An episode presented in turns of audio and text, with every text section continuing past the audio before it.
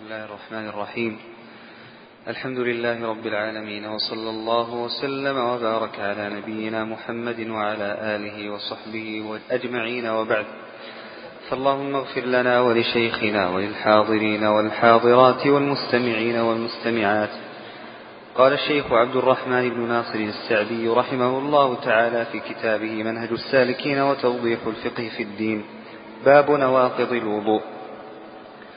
وهي الخارج من السبيلين مطلقا والدم الكثير ونحوه وزوال العقل بنوم أو غيره وأكل لحم الجزور ومس المرأة بشهوة ومس الفرج وتغسيل الميت والردة وهي تحبط الأعمال كلها لقوله تعالى أو جاء أحد منكم من الغائط أو لامستم النساء. وسئل النبي صلى الله عليه وسلم أنا توضأ من لحوم أنا توضأ من لحوم الإبل؟ فقال نعم رواه مسلم. وقال في الخفين ولكن من غائط وبول ونوم. رواه النسائي والترمذي وصححه. نعم بسم الله الرحمن الرحيم. الحمد لله رب العالمين. صلى الله وسلم وبارك على نبينا محمد وعلى آله وصحبه أجمعين. ثم أما بعد فنتمم ما ابتدأنا في الدرس الماضي من الحديث عن نواقض الوضوء وكنا قد تحدثنا عن الخارج من السبيلين ومعناه وما يدخل فيه وما يستثنى وتحدثنا عن الدم والمستثنى منه أيضا وكنا قد وقفنا عند زوال العقل بنوم أو غيره. زوال العقل من نواقض الوضوء لأن الله عز وجل قال يا أيها الذين آمنوا إذا قمتم إلى الصلاة. فقوله جل وعلا قمتم تحتمل أن تكون قمتم من النوم. فدل ذلك على أن النوم ناقض من نواقض الوضوء وأبانت السنة هذا المعنى. فقد صح عن النبي صلى الله عليه وآله وسلم أنه قال العين وكاء السهم. فإذا نام أحدكم فليتوضأ. فدل ذلك على أن النوم ناقض للوضوء. وهذه الجملة فيها مسألتان. المسألة الأولى ما الذي يلحق بالنوم؟ لأن المصنف رحمه الله تعالى قال زوال العقل بنوم أو غيره. والمسألة الثانية ما حد النوم الذي يكون ناقضا للوضوء؟ نبدأ بالمسألة الأولى ما الذي يكون في معنى النوم؟ لأن السنة لأن السنة إنما جاءت بالنوم فقط فإذا نام أحدكم فليتوضأ. قالوا إن المعنى المعنى من نقض الوضوء بالنوم ما أبانه النبي صلى الله عليه وسلم وهو مظنة خروج الريح. خروج الريح المظنة مظنة خروج الريح. والقاعدة معنا وسيأتي تطبيق هذه القاعدة كثيرا أن المظنة تنزل منزلة المئنة. المظنة أي الشيء المتوقع تنزل منزلة المئنة أي الشيء المتأكد منه. فهنا خروج الريح مظنة عفوا النوم مظنة لخروج الريح العين وكاء السهم. فإذا نام شخص ما فقد انحل الوكاء فقد تخرج منه ريح وهو لا يدري. قالوا الضابط في ذلك كل ما زال به العقل. كل زوال للعقل فإنه يكون موجبا للوضوء وناقضا له. يزول العقل أحيانا بذهابه بالكلية بالجنون. ويكون ذهابه بالتغطية وهو السكر. فالشخص إذا شرب خمرا فسكر من شربه الخمر فإنه يجب عليه أن يتوضأ. ويذهب أيضا بزواله بالإغماء. بزواله بالإغماء. فهذه ثلاثة أمور ملحقة بالنوم كلها ينتقض بها الوضوء. الجنون والسكر والإغماء. والجامع في الثلاث إنما هو زوال العقل. والنبي صلى الله عليه وسلم لما أغمي عليه لما أغمي عليه ماذا فعل؟ أمر بأن يؤتى بأوكية قرب لم تحل أوكيتها. ثم أهريقت عليه. ثم أهريقت عليه. كب على سائر جسده. وهذا الفعل من النبي صلى الله عليه وسلم يدلنا على أمرين. أن الحمى تبرد بالماء واحد. ثانيا أن تعميم الجسد بالماء إذا جرى أربع جريات فأكثر فإنه يجزي عن الوضوء. والنبي صلى الله عليه وسلم أمر بأن يجرى عليه أكثر من جرية. سكب على جسده كله عليه الصلاة والسلام. مما دلنا على أن هذا الفعل يكون رافعا للحدث. ولا يدل هذا الحديث مطلقا على أن الإغماء موجب من موجبات الغسل وإنما هو فقط ناقض من نواقض الوضوء. طيب. طبعا مسألة الإغماء هل يلحق بالجنون أم يلحق بالنوم؟ ستأتي معنا إن شاء الله في كتاب الصيام. طيب. المسألة الثانية ما النوم الذي ينقض الوضوء؟ جاءنا عن النبي صلى الله عليه وسلم أنه نام مرة فقام ولم يتوضأ كما في الصحيح من حديث عائشة. وثبت عند أهل السنن أن الصحابة رضوان الله عليهم انتظروا النبي صلى الله عليه وسلم في المسجد حتى خفقت رؤوسهم. يعني من شدة غلبة النعاس عليهم خفقت رؤوسهم. فهنا أراد العلماء أن ينقحوا مناطا فيما ينتقض به الوضوء وما لا ينتقض به الوضوء. فانظر أنا سأذكر مناطين فقط الثاني هو المعتمد والصحيح وهو اختيار الشيخ تقي الدين. أما الأول فإن من العلماء من نظر للحديث الثاني فقال إن الصحابة كيف كانوا جالسين؟ كيف كانوا؟ كيف كانت هيئتهم؟ قال كانوا جالسين كانوا جالسين. إذا ننظر للهيئة فإذا نام الشخص جالسا لم ينتقض وضوءه. وإذا نام واقفا لم ينتقض وضوءه. وإذا نام راكعا لم ينتقض وضوءه. لكن إن نام نام أي ذهب, ذهب بالنوم. إن نام راقدا ولو يسيرا انتقض وضوءه. هذا واحد. إن نام مستندا مستندا انتقض وضوءه أيضا. إن نام ساجدا انتقض وضوءه أيضا. لأن في الثلاث الحالات الأخيرة هو معتمد. بخلاف الحالات الأولى فإنه غير معتمد. فإنه إذا استغرق في النوم سقط إن كان قائما أو راكعا أو ساجدا. فنظروا للهيئة. طيب أشكل على هذه الهيئة فعل النبي صلى الله عليه وسلم. فإن النبي صلى الله عليه وسلم كان ينام أحيانا أو أو يرقد ثم يقوم بعد ذلك ولا يتوضأ. بل تقول عائشة وكان ينفخ ينفخ. فلذلك الصحيح والمتقرر وهو اختيار الشيخ تقي الدين أن النوم الذي يكون ناقضا هو الذي يذهب العقل بالكلية بحيث أن الشخص لا يعرف من بجانبه وما الذي يحدث حوله. إذا وصل المرء لهذه المرحلة بغض النظر ما هي حالته فإنه ينتقض وضوءه لأن العبرة بزوال العقل وأما الأوائل فإنهم نظروا للهيئة وقالوا إن الهيئة تدل على الحال وهو عدم الزوال عقل من عدم. وعلى ذلك فلو أن شخصا كان راقدا أو مستندا أو ساجدا وجاءه النعاس لكنه يعرف من حوله فنقول إنه لم ينتقض وضوءه بهذا الفعل. نعم. ثم قال الشيخ وأكل لحم الجزور. المراد بلحم الجزور الإبل. وقد صح حديثان في صحيح مسلم عن النبي صلى الله عليه وسلم في أن أكل لحم الجزور ناقض للوضوء وهما حديث بريدة وجابر بن عبد الله رضي الله عنهم جميعا. لذلك يقول أحمد ليس في نفسي شيء لما سئل عن نقض الوضوء من لحم الجزور قال ليس في نفسي شيء منه. فيه حديثان صحيحان عن النبي صلى الله عليه وسلم حديثان وليس حديثا واحدا طيب أكل لحم الجزور تقرر أن أنه ناقض. ولكن الحديث إنما ورد باللحم فإن النبي صلى الله عليه وسلم سئل أنا أتوضأ من لحم الإبل؟ قال نعم. قالوا أنا أتوضأ من لحم غنم قال لا. قالوا فالحديث إنما ورد باللحم. فهل يلحق غير اللحم به؟ قالوا ما عدا اللحم أربعة أشياء. أو مع اللحم هي ثلاثة واللحم رابعهم الأول اللحم وهذا باتفاق القائلين بنقض الوضوء بأكل لحم الجزور أنه ينتقض به.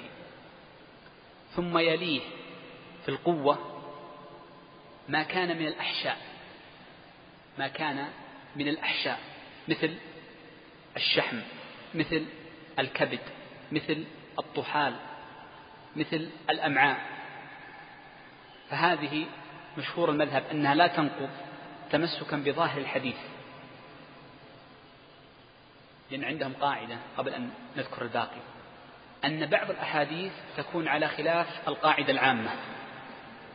القاعدة العامة كما قال ابن عباس في هذا الباب أن الوضوء إنما يكون مما خرج من الإنسان وليس مما دخل إلى جوفه. هذه القاعدة وهو الأصل.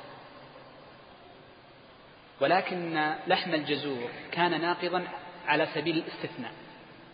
فيقول بعض الفقهاء إن ما لا يحتمله اللفظ فيجب أن لا يدخل فيه لأن هذا خلاف القاعدة. فنقف عند أقل ما يسمى لحما وهو اللحم الأحمر فقط. ولكن الصحيح أن اللحم أن ما عدا اللحم كالشحم والأحشاء ناقض وهو الذي رجحه ابن قدامة في عمدة الأحكام. لأن النبي صلى الله عليه وسلم ذكر أن اليهود حرم عليهم إنما حرم عليهم طبعا لحم الخنزير. ولكنهم ماذا فعلوا؟ جبلوا أي أذابوا شحوم الخنزير. فدل على أن تحريم الله عز وجل علينا وعلى اليهود. لحم الخنزير يدخل فيه شحمه. فكذلك لما كان لحم الجزور الإبل ناقض فإن شحمه ناقض كذلك. إذا هاتان المسألتان الأوليان. الأمر الثالث قلنا الأولى اللحم الثانية الأحشاء الثالث قالوا اللبن أو الحليب. بعض الناس يسميه لبن الإبل بعضهم يسميه حليب ولا مشاحة في الاصطلاح. هل يكون اللبن ناقضا؟ قالوا إن اللبن ليس بناقض إلا خلافا ضعيفا من بعض أهل العلم وهو قول ضعيف جدا. وكذا الأمر الرابع وهو المرق. فإن المرق تحلل للشحم وبعض اللحم. فلو أن امرأ شرب مرقا من مرق الإبل مرق لحم الإبل فإنه يكاد يكون إجماع بالذات في المرق أنه ليس بناقض وهذه أربعة أشياء أقواها اللحم ثم الأحشاء ثم اللبن أو الحليب ثم المرق. نعم. قال الشيخ ومس المرأة بشهوة لقول الله عز وجل أو لامستم النساء. وهنا لامستم تحتمل معنيين. تحتمل لامستم أي جامعتم. وتحتمل أن تكون لامستم أي مست البشرة البشرة. وكان الإمام الشافعي رحمه الله تعالى إذا قرأ هذه الآية يقول لامستم بمعنى جامعتم. ورأيت بعض أهل تهامة من أهل الباحة إذا أراد أن يقول إنه جامع امرأته قال لامست امرأتي. إلى الآن إذا أراد أن يقول جامعت امرأتي يقول لامستها. ولكن يشكل على كلام الشافعي أنه جاء من القراءات السبعية الثابتة والمتواترة أن الله عز وجل قال أو لمستم. أو لمستم. فكلا الحالتين اللمس صريح في مس البشرة البشرة في مس البشرة البشرة. طيب لماذا كان لمس المرأة ناقض الوضوء؟ قالوا إن لمس المرأة يكون ناقضا من الوضوء بشرط أن يكون بشهوة. والسبب قالوا لأنه مظنة شوف مظنة لخروج المذي من الرجل. وهنا تنزل المئنة المظنة منزلة المئنة. تنزل المظنة منزلة المئنة. ولأن بعض الناس قد لا يحس بخروج المذي منه إلا بعد فترة. فلذلك ففي الغالب أن من مس امرأة بشهوة مست البشرة البشرة بشهوة في الغالب أنه ينزل من هذا الشيء فلذلك قال أهل العلم إنه يكون ناقضا. وهذا القول فيه من الاحتياط وفيه من الآثار عن الصحابة رضوان الله عليهم الشيء الكثير. وأما حديث عائشة رضي الله عنها عند أبي داود أن النبي صلى الله عليه وسلم كان يقبلها ثم يصلي من غير وضوء فإن هذا الحديث فيه مقال. وإن صح الحديث فإنه محمول على أن النبي صلى الله عليه وسلم كان أملك الناس بإربه عليه الصلاة والسلام فمن كان كحاله فهو مثله كما يقال في الصوم وإلا فلا. نعم. الناقض الذي بعده قال الشيخ طبعا هنا لما قالوا مس المرأة بشهوة نفس قاعدة ذكرناها قبل قالوا إن هذا على خلاف الأصل.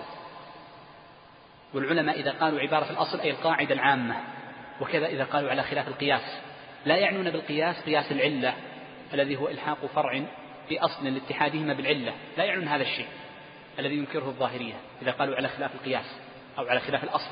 وإنما يعنون بالأصل أو القياس القاعدة العامة مثل القاعدة التي ذكرها ابن عباس قبل قليل رضي الله عنه. طيب مس المرأة قالوا أنه على خلاف القاعدة العامة التي ذكرها ابن عباس. وبناء على ذلك فإنهم ضيقوه. فقالوا إنه لا بد أن يكون المس ماذا؟ بالبشرة.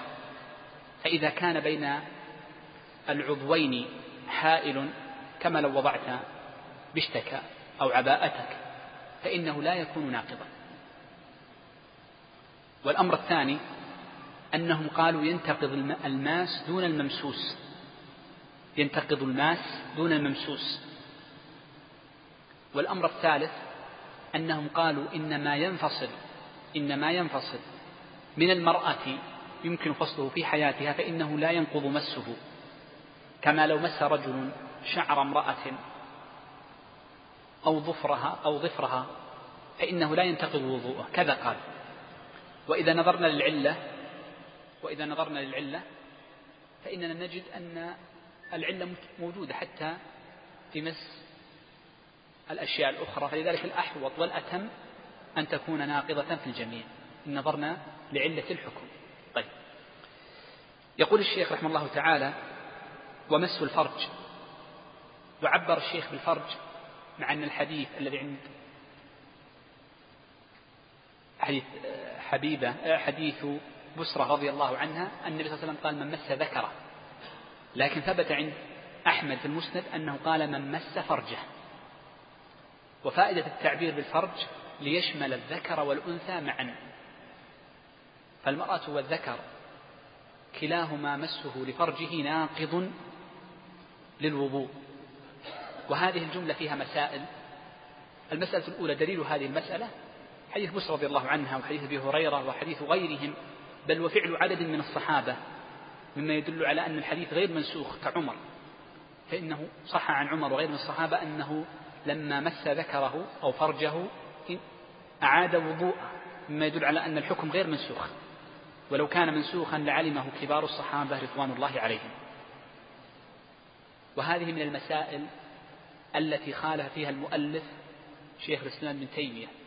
فإن ابن تيمية يرى أن مس الفرج منسوخ ولكن الصحيح أنه ليس منسوخا والأحاديث فيه كثيرة وفعل الصحابة يدل على ذلك. طيب. المسألة الثانية قول الشيخ مس مس فيقولون إن المس هنا أولا لا بد أن يكون بدون حائل. بدون حائل أي أن تمس البشرة البشرة. ولو كان بحائل فإنه لا ينتقض لا ينتقض الوضوء هذا واحد. الأمر الثاني أن الفقهاء قالوا إن المس أن يكون بباطن الكف بباطن الكف. فلو مس المرء فرجه بذراعه أو مسه بظاهر كفه لم ينتقض وضوءه. فيقولون إنه بباطن الكف بباطن الكف.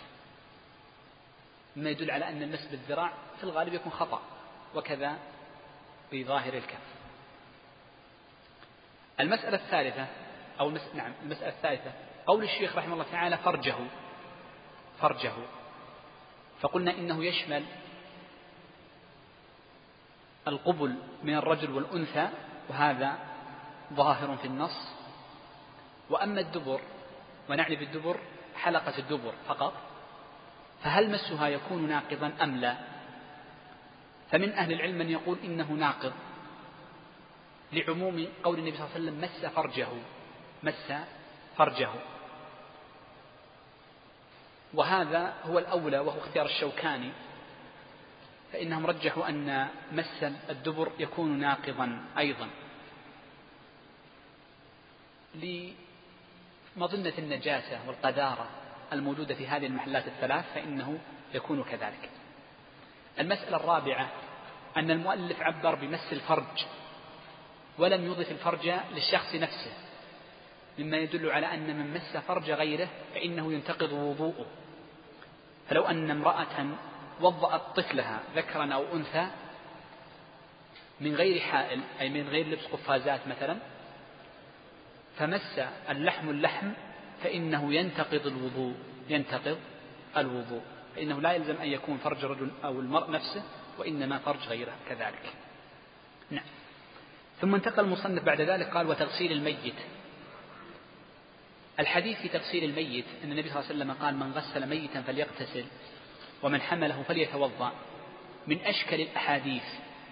حتى قال الترمذي أبو عيسى رحمه الله تعالى في كتاب السنن إن هذا الحديث عمل أهل العلم على خلافه. لم يرد حديث صريح في نسخه. لم يرد حديث صحيح في نسخه. وإنما عمل أهل العلم على خلافه هو أن من غسل ميتا فليغتسل. ولكن ذهب بعض أهل العلم إلى تأول هذا الحديث. وهو الذي مشى عليه المؤلف رحمه الله تعالى. فإنه قال إن قول النبي صلى الله عليه وسلم من غسل ميتا فليغتسل أن معناه أن يتوضأ أي يتوضأ. لأن من يغسل الميت مظنة أن يمس عورته أو أن يمس نجاسة فيستقذر فلذلك إما أن يستحب يستحب له الوضوء وإما أن يجب عليه. إما أن يستحب له الوضوء وإما أن يجب عليه. وجماهير أهل العلم على أن الوضوء مستحب وليس بواجب. والمصنف رحمه الله تعالى ذهب لقول فقهاء الحنابلة أن التغسيل هنا أو أن تغسيل الميت موجب للوضوء من نواقض الوضوء وقد تبع فيه مذهب الحنابلة وهو الأحوط والأتم أن من غسل ميتا أن يتوضأ. وقال به بعض الصحابة رضوان الله عليهم. وأما تغسيل الميت هل يوجب الغسل؟ لم يقل بذلك أحد كما قال الترمذي رحمه الله تعالى. قالوا والمراد بتغسيل الميت من باشر الدلك ليس من سكب الماء ولا من أعان في الحمل وإنما من باشر بنفسه الدلك بيده. وعلى ذلك فلو أن ميتا سكب عليه الماء فقط فإنه لا يكون موجبا للوضوء لجميع من سكب عليه الماء. طيب. قال والردة وهي تحبط الأعمال كلها. لأن الله عز وجل بين أن من أشرك بالله فقد حبط عمله. ومن الأعمال الوضوء والغسل وغيرها فإذا ارتد المرء وهو وصف حكمي ولا يصح من الكافر فإذا ارتد المرء أعاذنا الله وإياكم من الردة فإنه يجب عليه أن يعيد وضوءه. وهذه المسألة وإن كانت يعني نادرة الوجود في الحقيقة قليلة يعني من حيث التطبيق لكن أهل العلم يذكرونها لماذا؟ ليقعدوا لقاعدة وهي أن الردة إثمها عظيم وأنها محبطة لجميع الأعمال حتى الوضوء فالإنسان كلما ذكر الردة استعاذ بالله منها فلذلك في جل كتب الفقهاء لما يذكرون الردة يقول أعاذنا الله منها قال لقوله تعالى أو جاء أحد منكم من الغائط أو لامستم النساء. وسئل النبي صلى الله عليه وسلم أن أتوضأ من لحوم الإبل؟ قال نعم رواه مسلم. وقال في الخفين تكلمنا عنهما. وقال في الخفين ولكن من غائط وبول ونوم. وهذا الحديث يدل على أن الغائط والبول والنوم نواقض للوضوء. قال رحمه الله باب ما يوجب الغسل وصفته. ويجب الغسل من الجنابة وهي إنزال المني بوطء أو غيره أو بالتقاء الختانين. وخروج دم الحيض والنفاس وموت غير الشهيد وإسلام الكافر. قال تعالى وإن كنتم جنبا فاطهروا. وقال تعالى ولا تقربوهن حتى يطهرن فإذا تطهرن فأتوهن من حيث أمركم الله. الآية أي اغتسلن. وقد أمر النبي صلى الله عليه وسلم بالغسل من تغسيل الميت وأمر من أسلم أن يغتسل. وأما صفة غسل النبي صلى الله عليه وسلم من الجنابة فكان يغسل فرجه أولا ثم يتوضأ وضوءا كاملا ثم يحثي الماء على رأسه ثلاثا يرويه بذلك ثم يفيض الماء على سائر جسده ثم يغسل رجليه بمحل آخر. والفرض من هذا غسل جميع البدن وما تحت الشعور الخفيفة والكثيفة. والله أعلم. نعم. هذا الباب الثاني وهو ما يسمى بموجبات الغسل. وموجبات الغسل متعددة وكل ما كان جنابة فإن أو ما سبب الجنابة فإنه يكون موجبا للغسل. وذلك يقول الشيخ ويجب الغسل من الجنابة. بدأ به ثم ذكر ما عدا الجنابة كالموت وإسلام الكافر. قال ويجب الغسل من الجنابة والجنابة هي أولا إنزال المني بوطء أو غيره. خروج المني موجب للغسل ولا شك لما ثبت عن النبي صلى الله عليه وسلم أنه قال إنما الماء من الماء.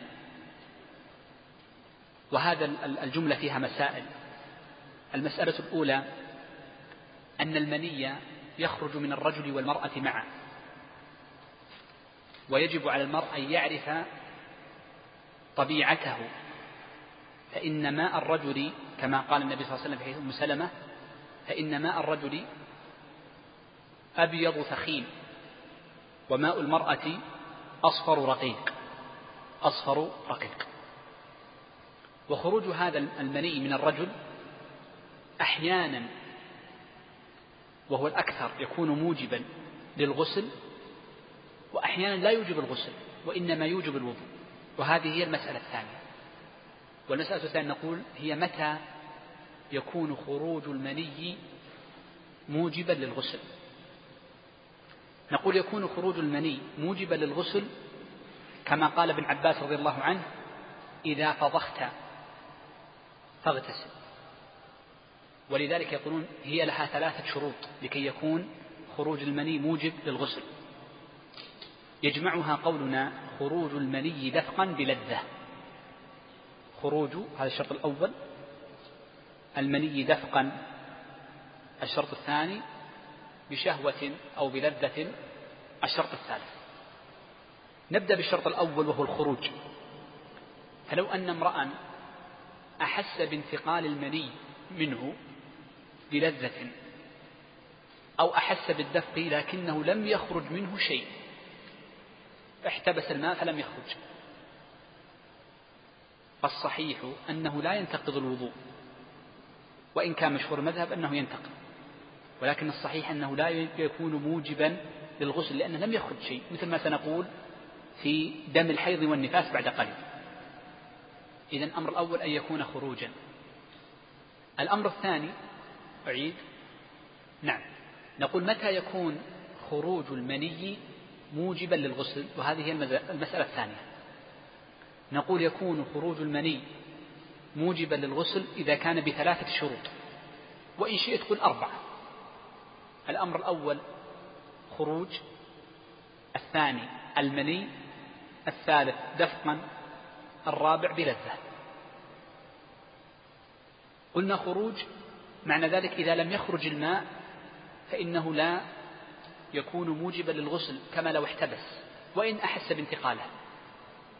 على الصحيح خلافا لمشهور المذهب. الأمر الثاني خروج المني إذا يجب أن يكون على هيئته.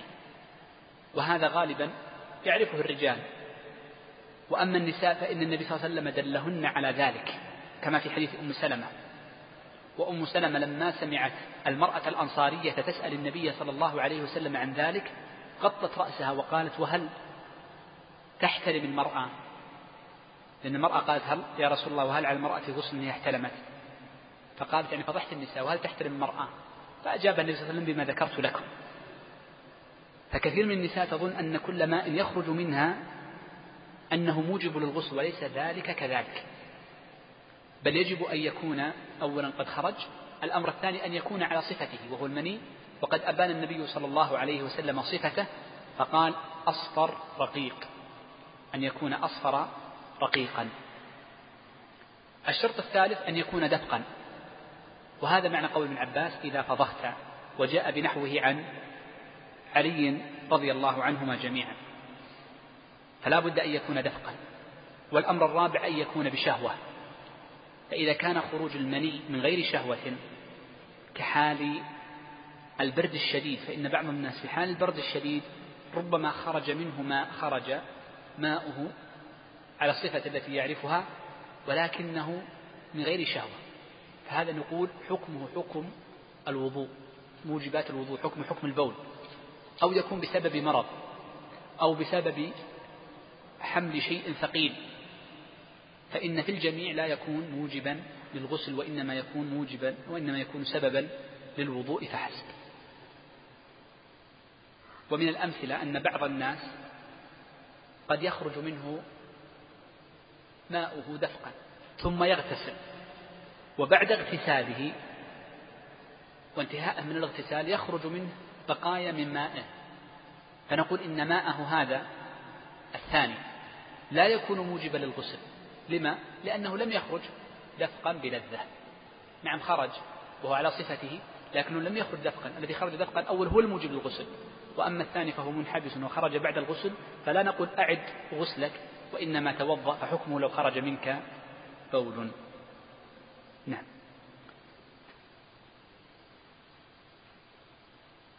الفقهاء لما قالوا إذا تخلف أحد الشروط التي ذكرت لكم قبل قليل فإن الماء الذي خرج وإن كان على صفة ماء الرجل فإنه يسمى ماذا؟ وديا ولا يسمى منيا يسمى ودي ودي طيب يقول الشيخ وهي إنزال المني بوطء أو غيره. بوطء أو غيره كمباشرة أو تكرار نظر ونحو ذلك. هناك حالة واحدة حالة واحدة يستثنى منها الشروط السابقة وهو إذا استيقظ المرء من نومه فرأى أثر احتلام في ملابسه أو فراشه. فنحكم هنا دائما أن هذا الماء الذي خرج منك موجب للغسل مع احتمال أنه يكون قد خرج بسبب البرد أو المرض أو غيره. والسبب والسبب ما هو؟ أن الغالب أن الماء لا يخرج إلا بسبب ماذا؟ الدفق الذي هو بسبب الشهوة فيكون موجبا للغسل. إذا الاحتلام هو الوحيد الذي يستثنى من الشروط السابقة من حيث أنه يكون دفقا بلد لأن الشخص يكون فاقدا لعقله. نعم. المسألة بعدها قال أو بالتقاء الختانين. وهذا معنى قول النبي صلى الله عليه وسلم إذا جلس بين شعبها الأربع ثم جهدها فقد وجب الغسل. والتقاء الختانين موجب للغسل وحده هو الحد الذي يوجب الجلد أو الرجم في الزنا والذي يوجب إفساد الصوم وإبطال الحج. نعم. قال الشيخ وخروج دم الحيض والنفاس. وهنا نقول في خروج دم الحيض والنفاس مثل ما قلنا في خروج الدم خروج المني. ألا بد فيه من خروج. فلو أن امرأة أحست بانتقال دم الحيض في أحشائها ولكنها لم تره لم ترى الدم خارجا وإنما رأت إفرازات سابقة له إفرازات سابقة له.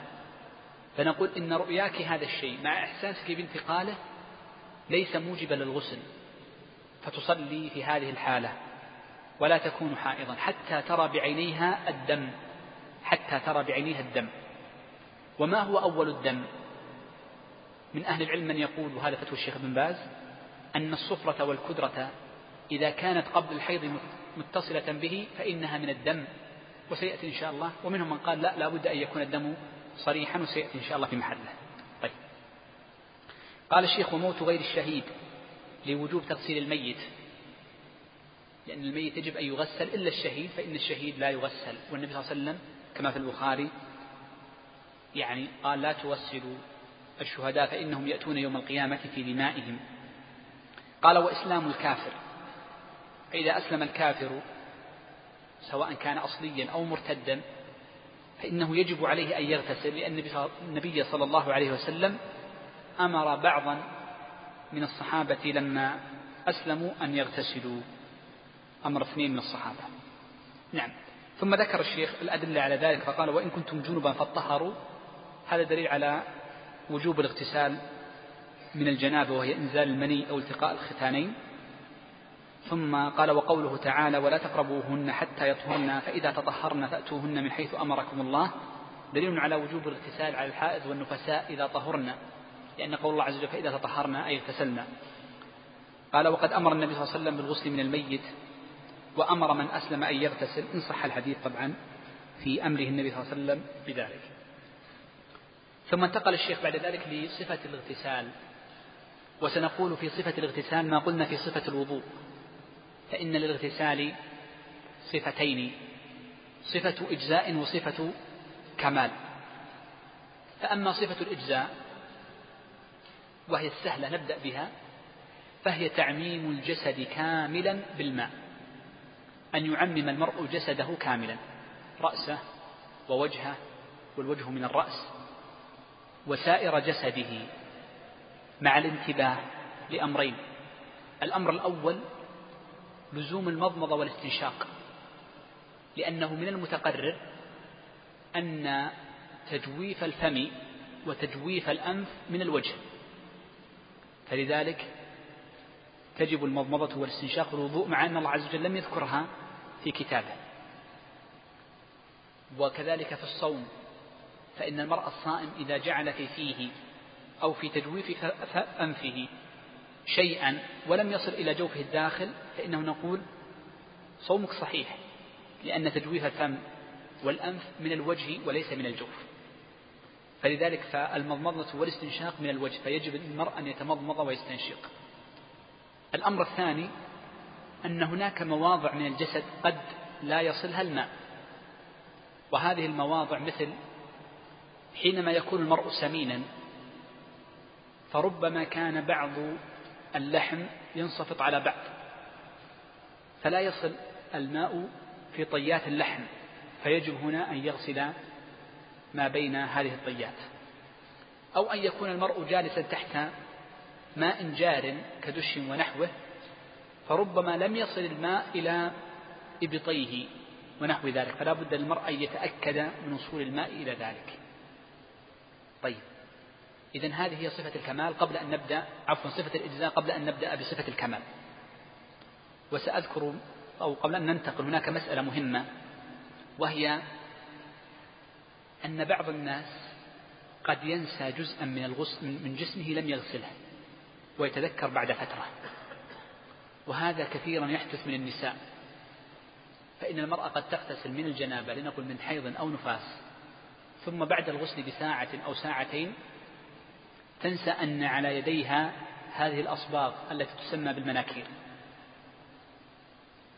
ما تحت هذه الأصباغ على الأظافر لم يصبها الماء أليس كذلك؟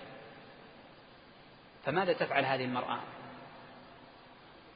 نقول يجب أول شيء أن تزيل هذا الحائل ويكفيها ولو بعد ساعتين ولو بعد يوم ويكفيها أن تغسل الأصابع فقط لأن الغسل لا تشترط له الموالاة. شوف لأن الغسل لا تشترط له الموالاة. لكن الصلوات التي صلتها قبل أن تزيل هذا الحائل يجب أن تعيدها لأنها لم تكن متطهرة فيها. وضحت هذه المسألة؟ طيب. مثال ثاني. عندما يأتي البرد ويكون المرء على جنابة ويخشى إن اغتسل الفجر ويخشى إن اغتسل الفجر أن يبرد. فأتى أول الليل زين فغسل رأسه فقط وترك سائر جسده. فلما استيقظ لصلاة الفجر غسل باقي جسده. يصح غسله أم لا يصح؟ يصح. لما؟ لأن الموالاة ليست شرطا في الغسل وإنما هي شرط في الوضوء. فلذلك أنا أذكرها هنا. لماذا؟ لكي نعرف أن الموالاة ليست مشترطة في صفة ماذا؟ الإجزاء. طيب.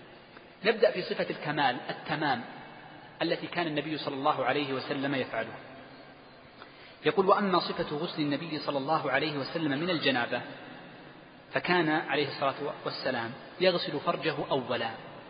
لماذا يغسل النبي صلى الله عليه وسلم فرجه أولا؟ قالوا لسببين. السبب الأول لإزالة ما قد يمنع وصول الماء لما تحته. هذا واحد. وإلا فإن ماء الرجل طاهر كما سبق. والأمر الثاني من باب كمال النظافة. من باب كمال النظافة. فلذا يعبر بعض الفقهاء قالوا بإزالة الأذى ولم يقولوا بإزالة النجاسة.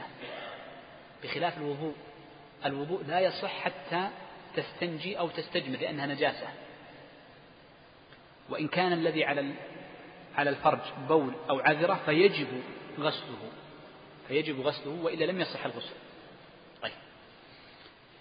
قال فكان يغسل فرجه عليه الصلاة والسلام. طبعا ثبت ذلك من حديث ميمونة وغيرها في صفة غسل النبي صلى الله عليه وآله وسلم. قال فكان يغسل فرجه أولا ثم يتوضأ وضوءا كاملا.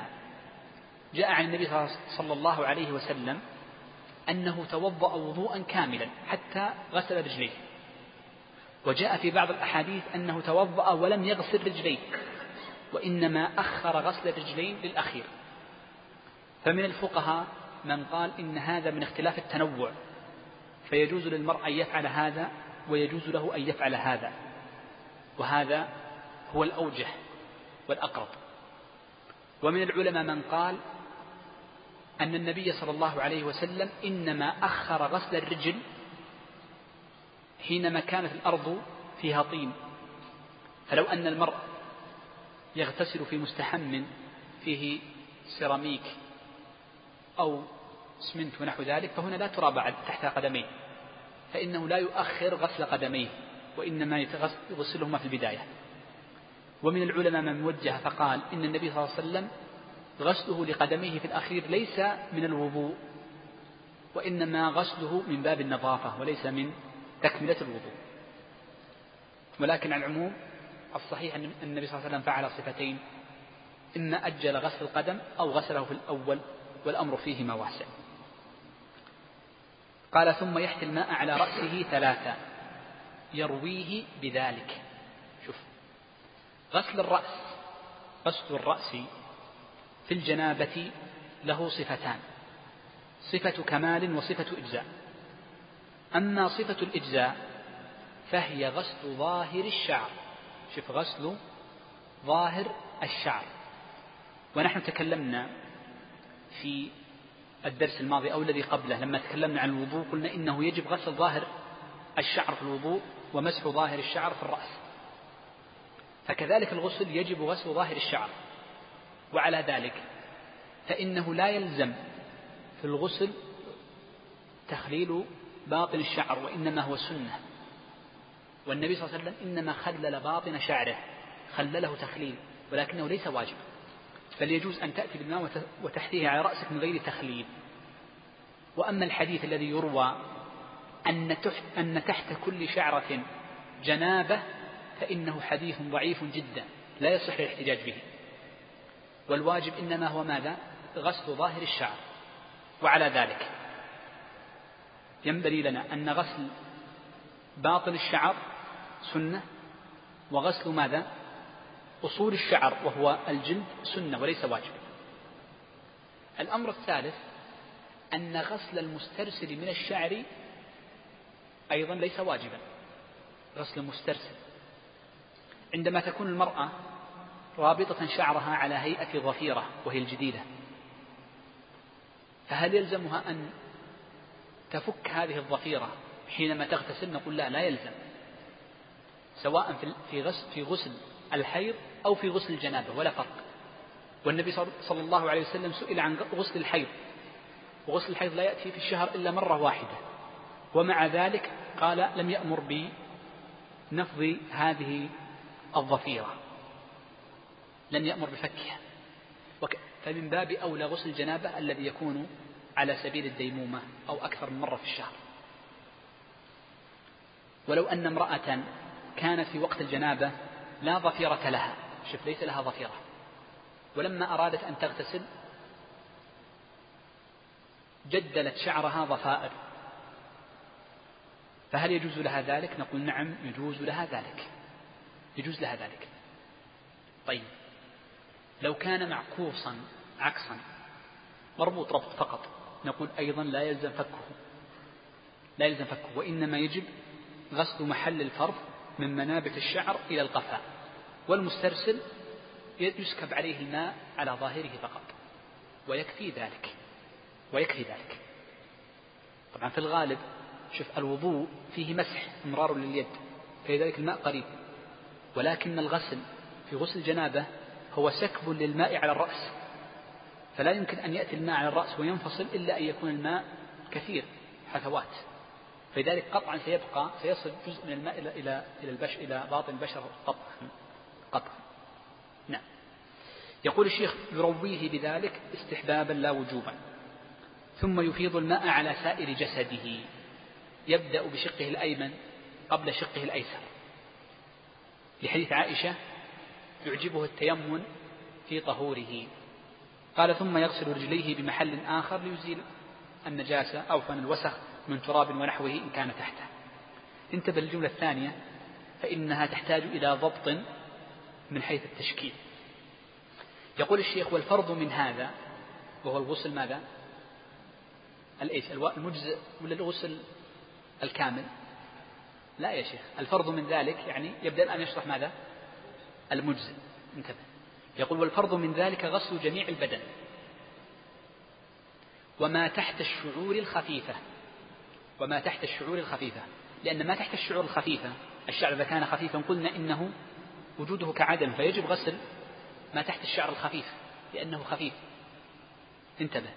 قال والكثيفة أي غسل الكثيفة وليس غسل ما تحت الكثيفة. فاضبط كلمة الكثيفة. بالكسرة ولا بالضمة؟ إن جعلتها بالكسرة شو يكون معنى الجملة؟ غسل ما تحت الشعور الخفيفة وما تحت الشعور الكثيفة وهذا قلنا إنه غير صحيح. وإن قلت الكثيفة بالضم فيكون غسل سائر الجسد وغسل ما تحت الشعور الخفيفة وغسل الشعور الكثيفة فقط. غسل الشعور وهذا هو الصحيح. فلذلك يجب أن تضبط كلمة الكثيفة بالضم لا بالكسر. بالضم لا بالكسر ليكون المعنى صحيحا. واضح هذه يا شيخ؟ تفضل يا شيخ.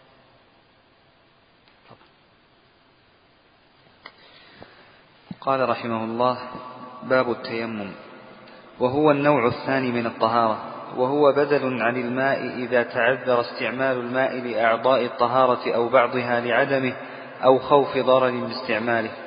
فيقوم التراب مقام الماء بأن ينوي رفع ما عليه من الأحداث ثم يقول بسم الله ثم يضرب التراب بيده مرة واحدة يمسح, به يمسح بهما جميع وجهه وجميع كفيه فإن ضرب مرتين فلا بأس.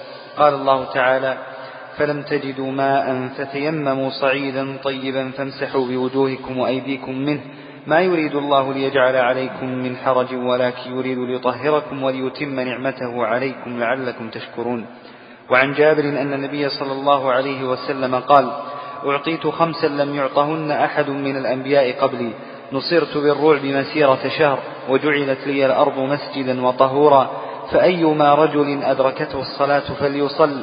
وأحلت لي الغنائم ولم تحل لأحد قبلي وأعطيت الشفاعة وكان النبي يب وكان النبي يبعث إلى قومه خاصة وبعثت إلى الناس عامة متفق عليه ومن علي.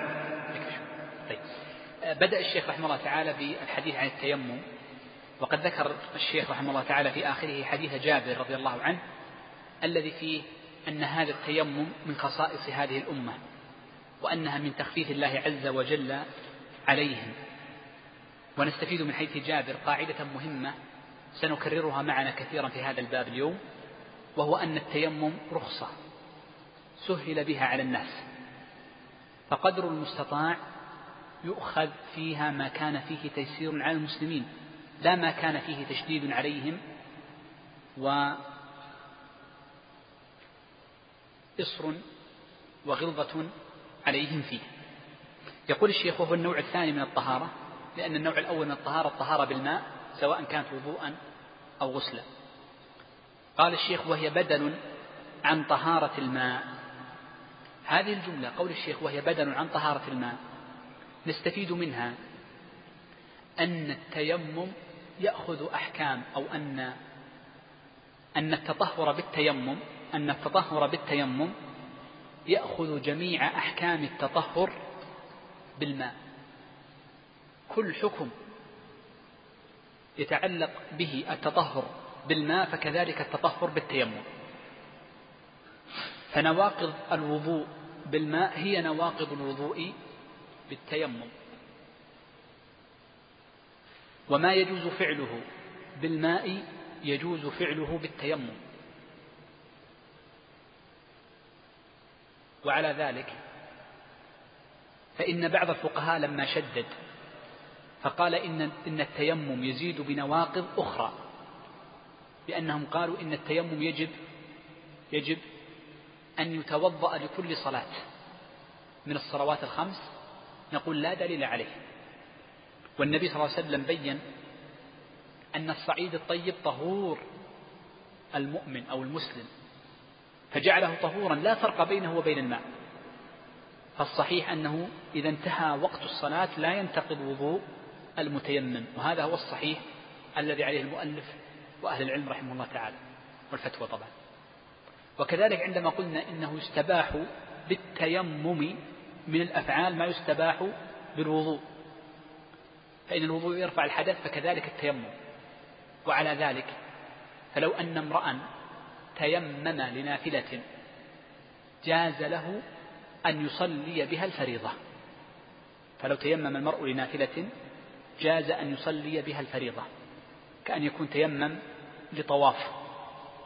فلما حضرت الفريضة نقول تيمم أي ما يلزمك أن تتيمم خلافا لمن قال من الفقهاء إنك تتيمم له لأنه أضعف من الوضوء وهذا غير صحيح. طيب إذا هو بدل من جميع الأوجه. والبدل يأخذ حكم المبدل في جميع أوجهه إلا ما نص الدليل عليه. مما نص الدليل عليه أن المرء إذا وجد الماء وهو متيمم فيجب عليه أن يتوضأ. فإذا وجد أحدكم الماء فليتق الله وليمسه بشرته. طيب. يقول الشيخ إذا تعذر استعمال الماء لأعضاء الطهارة أو بعضها لعدمه أو خوف ضرر باستعماله. هذه الجملة فيها مسائل. المسألة الأولى في قول الشيخ رحمه الله تعالى إذا تعذر استعمال الماء. تعذر استعمال الماء قالوا له صور. الصورة الأولى التعذر الحقيقي بعدم الوجود. بعدم الوجود لا يوجد عنده ماء. رجل في ثلاث وليس عنده ماء. فهنا يجوز له أن يتيمم. طبعا الضابط في أن لا يكون عنده ماء أن يغلب على ظنه. شوف يغلب على ظنه. أنه سيخرج الوقت والماء لن يأتي. هو في البر لن يأتي الماء إلا بعد ساعتين بعد ما يخرج الوقت. فنقول تيمم وصلي. لكن لو كنت تعلم أن الماء قريب منك بينك وبينه ربع ساعة نصف ساعة ولن يخرج الوقت فيجب عليك أن تذهب وتتوضأ من الماء. هذا النوع الأول من تعذر استعمال الماء. النوع الثاني أن يوجد الماء لكنه ماء مملوك للغير والماء المملوك للغير لا يجوز للشخص أن يأخذه بالقوة ما يجوز وليس هذا فيه دفع للموت نقول ضرورة كالطعام تأخذه من غيرك الماء ما يجوز أن تأخذه من غيرك إلا إذا خفت الهلاك في نفسك لكي تشرب وأما لأجل الوضوء فلا يجوز إذا فلا يجوز أخذ ماء للغير. لكن قد نخرج قليلا. الرسول صلى الله عليه وسلم قال الناس شركاء في ثلاثة. وذكر منها الماء والكلأ والهواء أو النار. فالماء كيف يكون شركاء فيه؟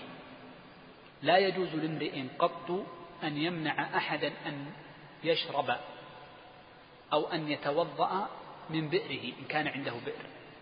وأما إن كان عنده إناء فهذا إناء أو مصانع. هذا من حقك لأنك احتطته أو اشتريت الماء. مصانع مثل ماذا؟ مثل الخزانات. هذا ملكك. لكن أن يكون بئر أو بحيرة أو شعيب ماء فيه ماء فتمنع أحدا من الوضوء بحجة أن هذا الماء في ملكك؟ لا يجوز. فالناس شركاء فيه. طيب. الصورة الثالثة من تعذر استعمال الماء قالوا أن يكون الماء يسبب المرض. والمرض على ثلاثة أنواع. فقد يكون هذا الماء يزيد المرض مثل الذي فيه حمى فيه حرارة. عفوا مثل الذي فيه حروق فيه حروق مثلا أو فيه حساسية من الماء نقول نقول فيه حساسية من الماء. فإذا استخدم الماء زادت هذه الحساسية هنا زاد المرض هنا زاد المرض.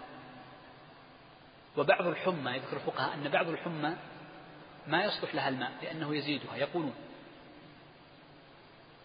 النوع الثاني من المرض أن يكون الماء يؤخر البرء لا يزيد المرض لكنه يؤخر البرء يجعل البرء متأخرا مثل الجروح ونحو ذلك. الحالة الثالثة أن يكون الماء يجعل للمرء ألم. مثل الحروق إذا جاءها الماء يسبب الألم. إذا المرض ثلاث أنواع. يزيده يؤخر البرء يسبب للشخص ألما ونحو ذلك. وهنا يجوز للشخص أن يتيمم. يقول الشيخ لأعضاء الطهارة أو بعضها. بعض أعضاء الطهارة كأن يكون الشخص الجروح في يده أو في قدمه فحسب. فهنا نقول تتوضأ لسائر أعضائك إلا العضو الذي لا تستطيع أن تغسله بالماء فتتيمم له. إذا فقول الشيخ رحمه الله تعالى إذا إذا تعذر استعمال الماء لأعضاء الطهارة جميعا فإنه يتيمم فقط. وإن كان لبعضها فقط فإنه يتوضأ للأعضاء التي يصلها الماء ثم يتيمم عن الباقي. ما تصورت هذه؟ أعيدها مرة ثانية. قول الشيخ إذا تعذر استعمال الماء لأعضاء الوضوء أو بعضها. تعذر استعمال الوضوء لأعضاء الوضوء كلها المعروفة كأن يكون فيه حروق. إذا كان لمرض. فنقول هنا تيمم وانتهينا. أو لا يستطيع الحركة. نقول تيمم وانتهينا. إذا كان يستطيع أن يغسل أعضاءه كلها إلا وجهه وجهه هو الذي فيه الحروق. فنقول اغسل أعضاءك. اغسل يديك للمرفقين ثم امسح برأسك ثم اغسل قدميك. هذا العضو الذي عجزت عن غسل الماء سواء كان كاملا أو جزء عضو نصف الوجه مثلا فنقول تيمم عنه. إذا هنا الحالة الوحيدة التي يجوز للشخص أن يجمع بين التيمم والوضوء هي إذا كان عاجزا عن غسل بعض أعضاء الوضوء بسبب المرض. بس. وما عدا ذلك لا يجوز.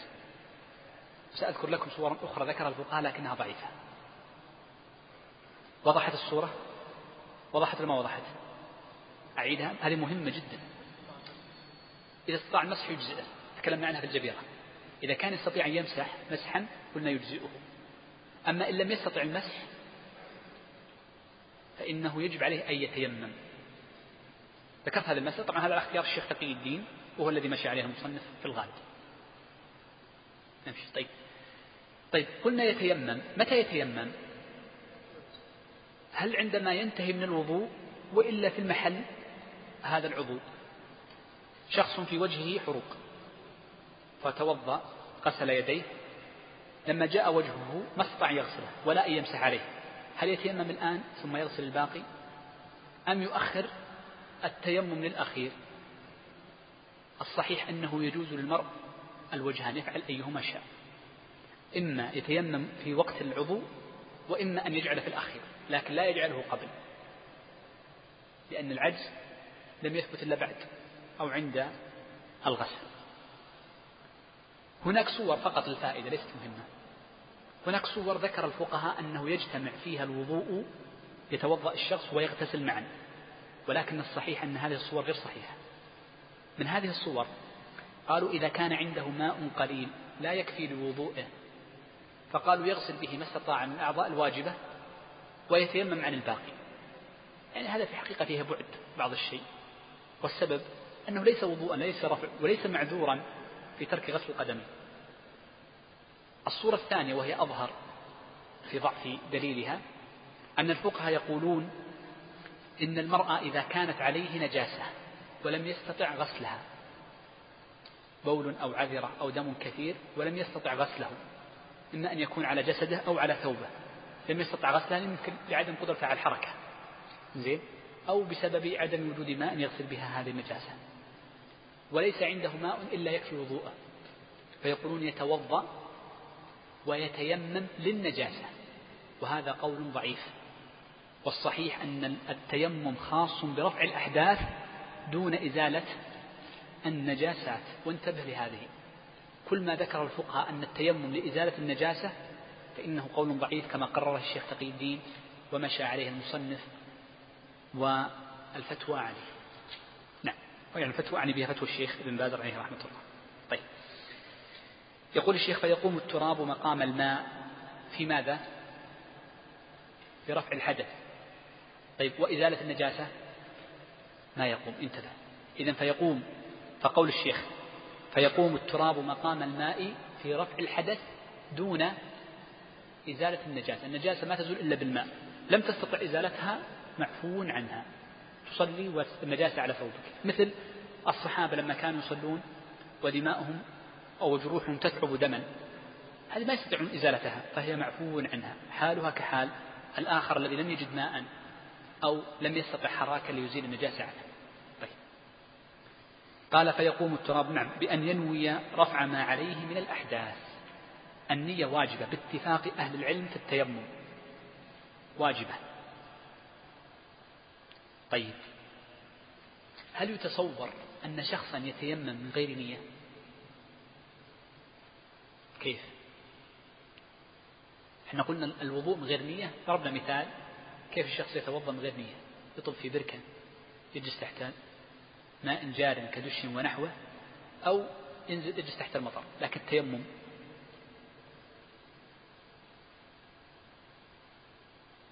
نعم يتصور في صور. أعطوني طيب. لو أن شخصا مريضا فجاء من بجانبه فيممه. يممه. يجوز ولا ما يجوز؟ يجوز. يجوز أن ييمك لكن لا يجزئ إلا بنية. وسيأتي بعد قليل أن المريض كيف ييمم سأتكلم عنها بعد قليل إن شاء الله. في عندما نتحدث عن الضبط. إذا لا بد فيها من النية لا بد من النية. النية ما هي؟ أن يعرف أن هذا الفعل يرفع حدثه ويبيح له الصلاة أو العبادة. طيب. قال ثم يقول بسم الله. لما يقول بسم الله؟ لأن النبي صلى الله عليه وسلم كما ثبت عند أحمد قال لا وضوء لمن لم يذكر اسم الله عليه. والنبي صلى الله عليه وسلم عبر بالوضوء لأنه هو الغالب في رفع الأحداث. وإلا فإن الغسل مثله فإن الغسل وضوء وزيادة فالغسل يستحب عنده البسملة. والتيمم أيضا بدل للماء فما يستحب في الماء مما يمكن فعله في الوضوء يستحب هنا.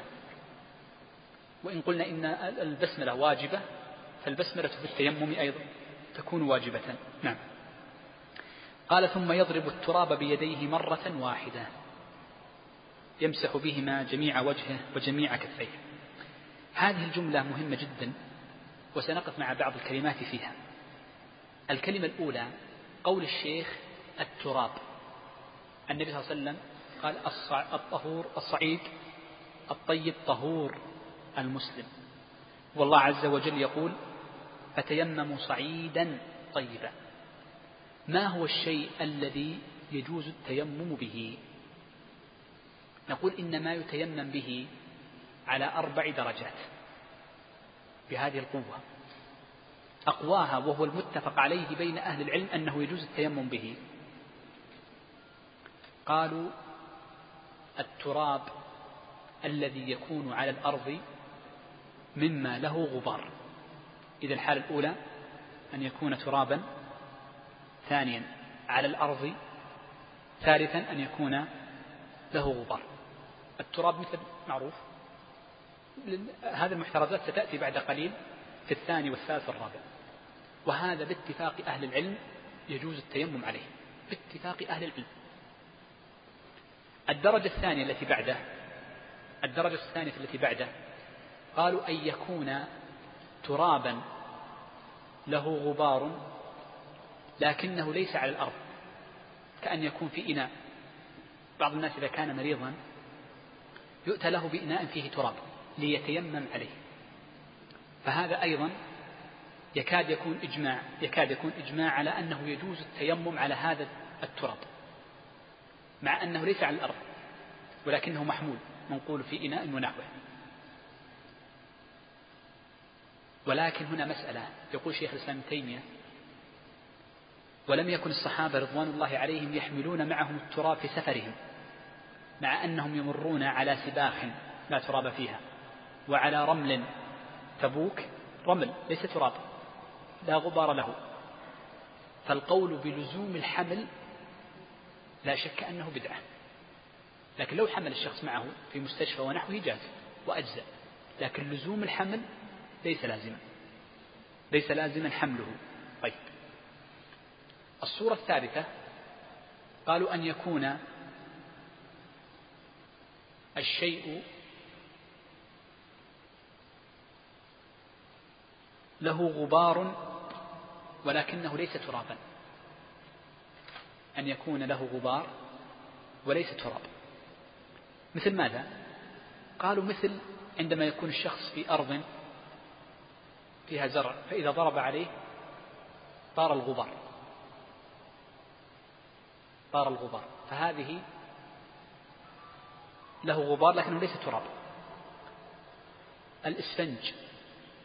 أحيانا يكون عليه غبار كثير فتضربه فيطير عليك الغبار. فهذا غبار لكنه في الأصل ليس ترابا وإنما هو إسفنج أو سرير.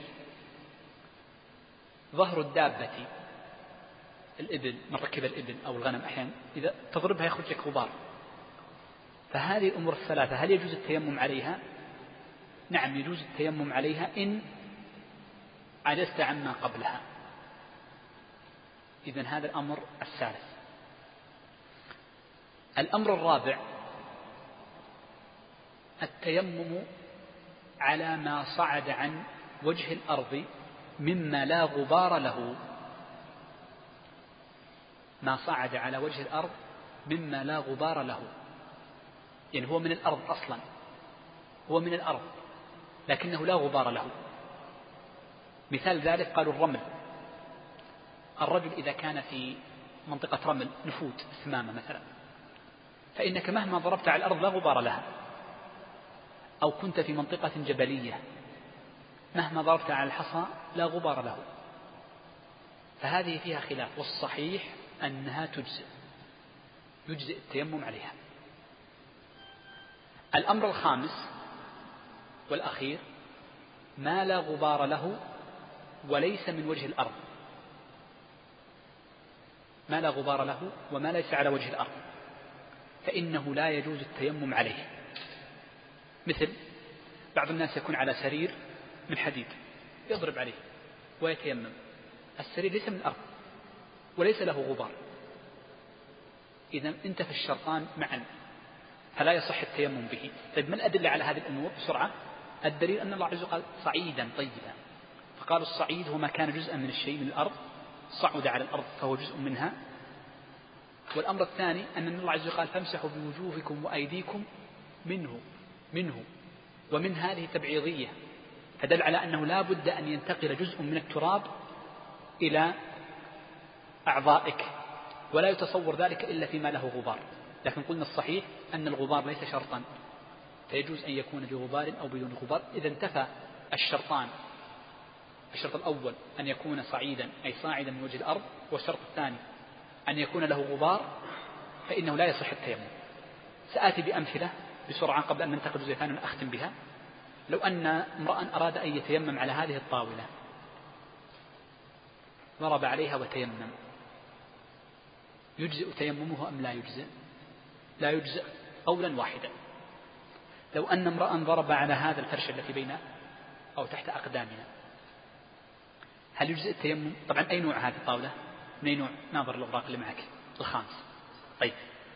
لو ضرب امرؤ على الفرش هذا فرشة المسجد. سم. أحسن. إذا كان لها غبار تكون من أي نوع؟ من أي نوع؟ ناظر أوراقك.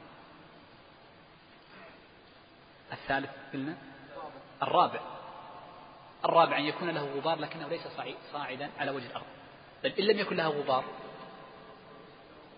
تعتبر من النوع ماذا؟ الخامس. ليس لها غبار وليست من وجه الأرض. طيب لو ضربت على الجدار هل يجزي أن أتيمم منه؟ نعم غيرك. ها. فزع الجدار طالع من الأرض يا شيخ. لكنه مصنوع. صنع الآن. صنع. لكنه ليس صاعدا ليس من جنس الأرض.